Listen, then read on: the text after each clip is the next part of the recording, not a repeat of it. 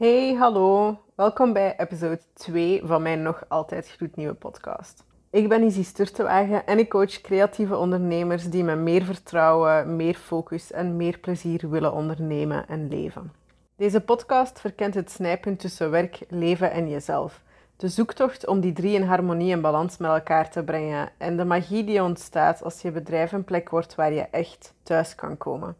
Ik neem je graag mee in de onderwerpen die regelmatig aan bod komen in het werk dat ik doe met mijn klanten en natuurlijk ook in mijn eigen groeiproces. Met alle lessen die ik geleerd heb en aan het leren ben, maar ook de kleine en grote successen die ik behaald heb intussen. Vandaag wil ik het graag met je hebben over minder doen. En ja, voor wie de vorige episode geluisterd heeft, die ging over meer dingen doen die je leuk vindt. Vandaag wil ik het hebben over minder doen. En dat voelt misschien een beetje contradictorisch, uh, die meer en die minder, maar hear me out. Als je minder gaat doen, dan komt er ook meer tijd voor die dingen die je leuk vindt. En ik weet niet of je die term ooit al gehoord hebt, maar als multi-passionate ondernemer, het is een beetje een stom woord, maar het betekent gewoon iemand ondernemers met meerdere interesses die heel veel ideeën hebben en altijd te weinig tijd. En, en die, niet zomaar, ja, die niet zomaar blij worden van al hun energie op één ding focussen, omdat ze ook net heel veel energie halen uit variatie en variëteit. Ja, ja twee keer hetzelfde. variatie dus. Ja, ik ben denk ik zelf wel zo'n beetje een multi-passionate ondernemer. Ja, ik ben niet alleen coach, dat zeg ik wel heel mooi in de inleiding, maar wie mij al langer kent en uh, langer volgt, weet dat ik ook trouwfotograaf ben. En op dit moment uh, combineer ik die twee nog gewoon. En dat blijft waarschijnlijk ook nog wel een heel poosje zo. Maar in elk geval, ik word heel blij van die variatie. En een beetje het risico daarbij is natuurlijk dat je veel te veel hooi op je vork neemt. En dat het op een gegeven moment veel te veel werk wordt en je het niet meer allemaal kan handelen. Maar zelfs als je gewoon één bedrijf hebt en één focus met je ondernemersbestaan, dan nog uh, zijn er heel veel verschillende dingen die, die op je pad komen, die allemaal leuk zijn, die allemaal interessant zijn, die allemaal energie vragen. En die ook heel snel kunnen veranderen in moetjes in plaats van in willetjes. Nou, een van de dingen die, uh, die je misschien al wel vaker gelezen hebt, is uh, Shiny Object Syndrome. en een leuk Nederlands woord daarvoor vind ik eigenlijk wel Exter syndroom. En dat is eigenlijk, ja, we komen op heel veel verschillende plekken online. Allemaal informatie tegen over ondernemerstips, over tips voor software, client management systemen, boekhoudsystemen, foto-editing software. Ja, you name it. Echt heel veel verschillende dingen.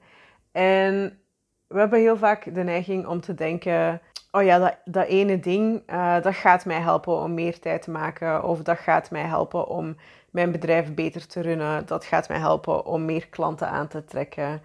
Um, dat gaat mij helpen om meer geld te verdienen.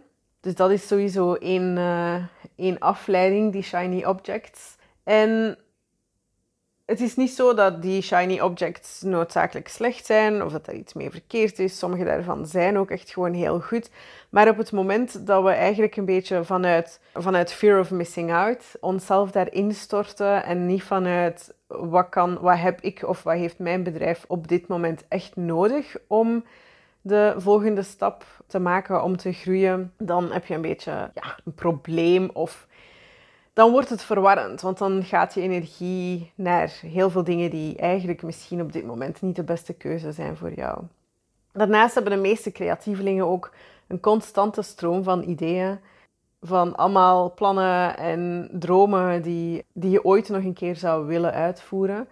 En komen er super toffe samenwerkingen langs of mogelijkheden om samen te werken met andere leveranciers in de branche. Die, die ook allemaal super leuk lijken en die je ook wel gewoon zou willen doen. En daartussen heb je nog natuurlijk je gewone klanten en de occasionele vriendendienst die af en toe langskomt, waarvan je denkt, ja oké, dit is niet de kern van mijn bedrijf, maar ook wel leuk, laat ik die er ook, uh, laat ik die ook bij nemen.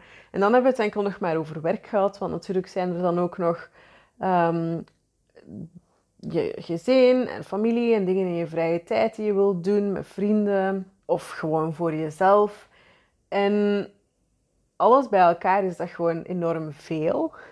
En hebben we, omdat het zoveel is, vaak komen we dikwijls een beetje in een staat van verlamming, van overwhelm terecht, waarin we eigenlijk geen energie meer hebben om dingen te doen. Uh, ook niet de dingen die we normaal heel leuk vinden. En dat is natuurlijk niet de bedoeling. En wat ik zelf altijd een super fijne manier vind om er naar te kijken, is dat tijd en energie eigenlijk een beetje zijn zoals een huis. In een huis, in elk huis, is er maar een beperkte hoeveelheid woonoppervlak. En bij ons huis is dat 85 vierkante meter.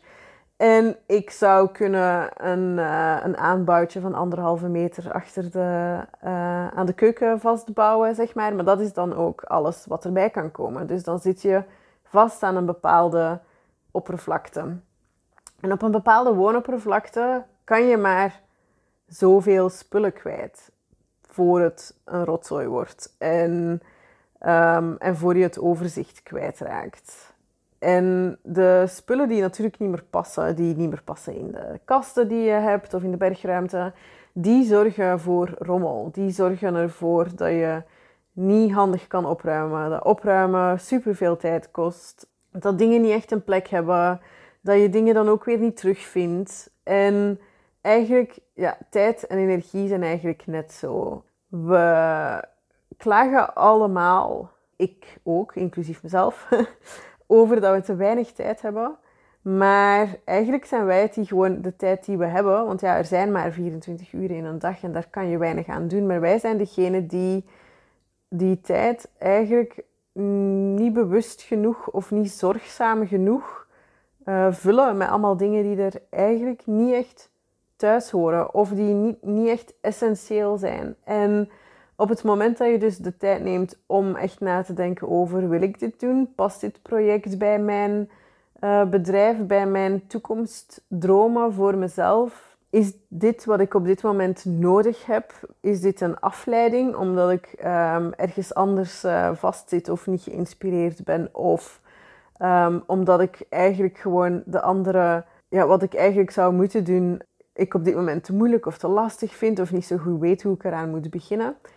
En haal ik die dus eigenlijk in, in mijn tijd of energiehuis, ook al heb ik ze op dit moment eigenlijk niet nodig. En op het moment dat je alleen maar die taken bijhoudt, waar dat je echt blij van wordt en de taken die echt nuttig zijn, die jou echt verder helpen, die jou dichter bij je dromen brengen, dan kan je in die 24 uur die je hebt op een dag, kan je veel meer doen. En niet alleen maar doen, want de klemtoon op het woord doen vind ik ook een beetje gevaarlijk. Je kan ook veel meer genieten tijd is dus wel op een bepaalde manier rekbaar. Niet dat we van die 24 uur plots 28 kunnen maken, maar we kunnen die 24 uur wel vullen met dingen die echt iets betekenen en die echt iets veranderen. En door minder te gaan doen, kan je natuurlijk ook veel, wordt focussen veel makkelijker. En voor iemand als ik met ADHD is focus sowieso al een uitdaging. Dus hoe meer ik mezelf daarbij kan helpen om die focus makkelijker te maken hoe beter. Op het moment dat je dus minder doet, kan je ook met veel meer toewijding en met veel meer energie en veel meer focus aan die dingen werken waar jij van gekozen of die jij gekozen hebt als de meest betekenisvolle en belangrijke. Wat ik zelf een hele fijne uh, affirmatie vind, en die heb ik uh, een paar maanden geleden ook heel groot in mijn, in mijn bullet journal geschreven, is You can do it all, just not all at the same time. Want we hebben vaak het gevoel dat we als we moeten kiezen tussen ideeën en tussen projecten en tussen activiteiten en taken, dat we bepaalde dingen moeten schrappen. Voor altijd. En soms voelt dat een beetje als een stukje van jezelf schrappen of wegsnijden. Want ja, zo pijnlijk voelt het soms wel. En dat hoeft helemaal niet zo te zijn. Want het is niet omdat je dingen tijdelijk parkeert, zodat je kan focussen op de, de belangrijkste, de nu belangrijkste dingen, dat je daarom daar nadien niet mee aan de slag kan. Of dat die andere ideeën niet nadien een van je prioriteiten kunnen worden. Maar als je alles tegelijkertijd probeert te doen, alle dingen die leuk zijn, alle dingen die interessant zijn, alle dingen die je eigenlijk wel zou willen doen, dan gaat je energie ook alle kanten uit. Dan wordt die energie verspreid over 101 verschillende uh, projecten. En je hoofd kan er niet allemaal onthouden en bijhouden. En je verliest het overzicht. Je bent ook de hele tijd aan het switchen tussen taken, wat ook enorm veel energie kost. Er zijn 15.000 onderzoeken naar gedaan die uh, dat vastgesteld hebben. Dus dat ga ik hier verder niet bediscussiëren. Dat is gewoon zo. En dat zorgt er gewoon voor dat je maar heel traag vooruitgang kan boeken. Dat je, nou, het lijkt me logisch dat als, je, dat als je tien dingen tegelijkertijd probeert te doen, laat ik even zeggen, je bent aan het schilderen. En je hebt tien schildersezels staan en tien doeken die daarop staan. En je bent aan tien schilderijen tegelijkertijd bezig. Tien helemaal verschillende schilderijen met helemaal verschillende kleurenpaletten. Je moet tien keer opnieuw je verf mengen. Je moet tien setjes kwasten hebben. Of je moet de hele tijd ben je op en neer aan het rennen om kwasten uit te spoelen. Het zal duidelijk zijn dat je dan aan het einde van de week tien onafgewerkte schilderijen hebt. Het gevoel hebt alsof je heel hard gewerkt hebt, maar eigenlijk niks verwezenlijkt hebt. Terwijl als je één of twee schilderijen tegelijkertijd doet, dan heb je aan het einde van de week een afgewerkt schilderij, of misschien zelfs twee afgewerkte schilderijen. Heb je resultaat van je werk, heb je het gevoel dat alle energie die je, alle energie die je gebruikt hebt die week, dat die ook echt tot een resultaat heeft geleid. En je hebt iets om te delen met de wereld, je hebt een resultaat om te tonen of om te verkopen. En die tien andere, of die negen andere schilderijen, die komen dan wel gewoon de week erna, of de weken erna, de maanden erna. Omdat je die motivatie hebt uit het afwerken van die één of twee schilderijen, uh, heb je ook weer nieuwe energie en inspiratie en motivatie om te blijven verder gaan. Om aan een nieuw doek te beginnen. Terwijl, tenminste voor mij is dat zo. Ik ben iemand die heel ik hou van instant satisfaction. Dat is waarom ik een fotograaf ben en geen schilder. maar ik heb ook echt die, die visuele resultaten nodig voor mezelf om, uh, om gemotiveerd te blijven en om plezier te halen uit mijn werk. En door te veel dingen tegelijkertijd te doen, ontneem ik mijzelf ook precies dat plezier. En als dat voor jou ook zo voelt, als jij zegt van, oh ja, dat herken ik. Ik heb ook echt die uh, visuele voldoening nodig om uh, gemotiveerd te blijven.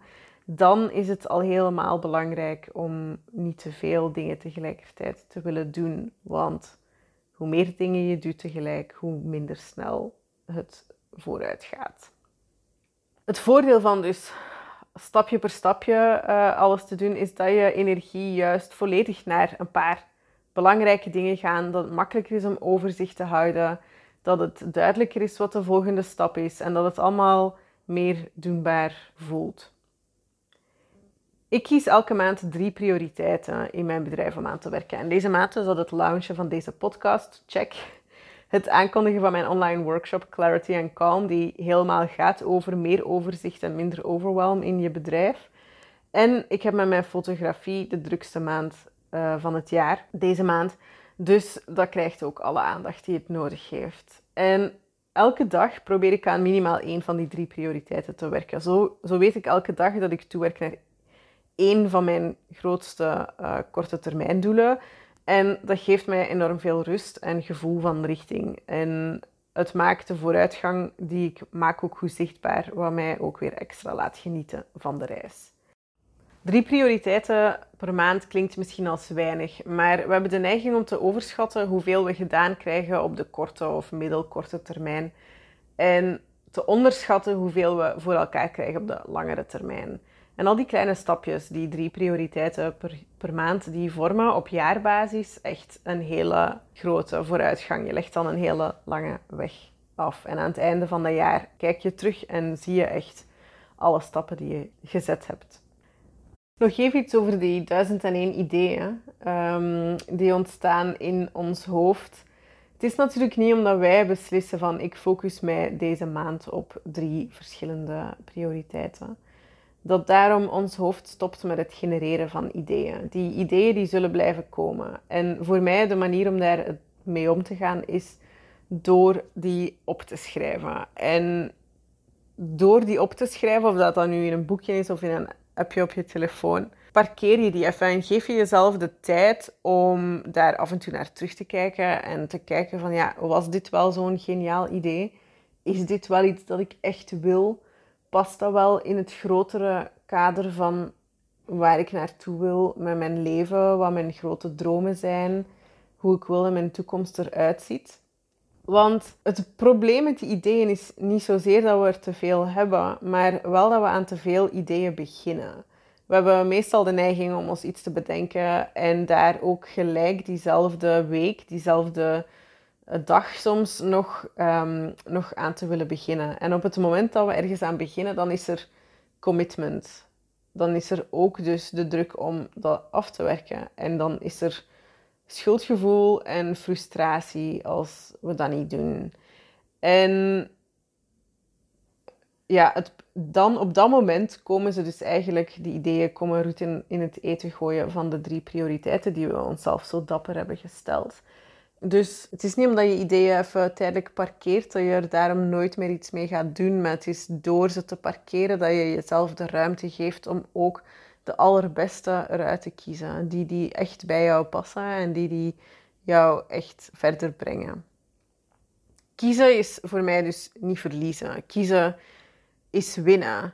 Kiezen is jezelf de ruimte geven om ergens echt op te focussen, om stappen te zetten, om te groeien en om jezelf niet te overstelpen met te veel dingen die ons vertragen en die ons overwelmen. Yes, dit was het voor vandaag. Ik hoop dat het jou heeft mogen inspireren of tot nadenken zetten om even stil te staan bij wat er nu echt toe doet voor jou op dit moment en welke dingen je eventueel even mag parkeren. Om je laten, te laten nadenken over welke dingen je echt op dit moment prioriteit wil geven. Als je je herkent in het beeld van de overweldigde ondernemer en je hebt een agenda die ontploft en een to-do-list die helemaal overstroomt van alle ideeën en kleine taakjes en projecten waar je al commitment voor hebt gegeven en je wil daar heel graag weer ademruimte in creëren voor jezelf. Ik lanceer in september voor de tweede keer mijn online workshop Clarity and Calm, die helemaal daarop gericht is, die helemaal gericht is op eerste hulp bij overwhelm. Als dat jou iets lijkt, neem dan zeker even een kijkje op mijn website www.easysturtewagen.nl slash voor-ondernemers. Of stuur mij gewoon een DM en laat me weten dat je graag meer informatie over de workshop ontvangt. Ik zou het super leuk vinden om jou erbij te hebben en jou te mogen helpen met die eerste hulp bij overwhelm. Als je wat aan deze podcast hebt gehad, als het inspirerend is geweest of herkenbaar, dan zou ik het super leuk vinden als je mijn podcast ook gaat volgen op Spotify of als je op een ander platform luistert, natuurlijk daar. Ken je mensen die ook iets zouden hebben aan deze uh, podcast-aflevering? Stuur hen dan zeker ook de link door of deel een screenshot van de podcast op je Instagram stories. En vergeet mij dan zeker ook niet te taggen at Easy Sturtewagen, want ik vind het super leuk om te kijken of te zien wie er allemaal mee luistert en jullie ook beter te leren kennen.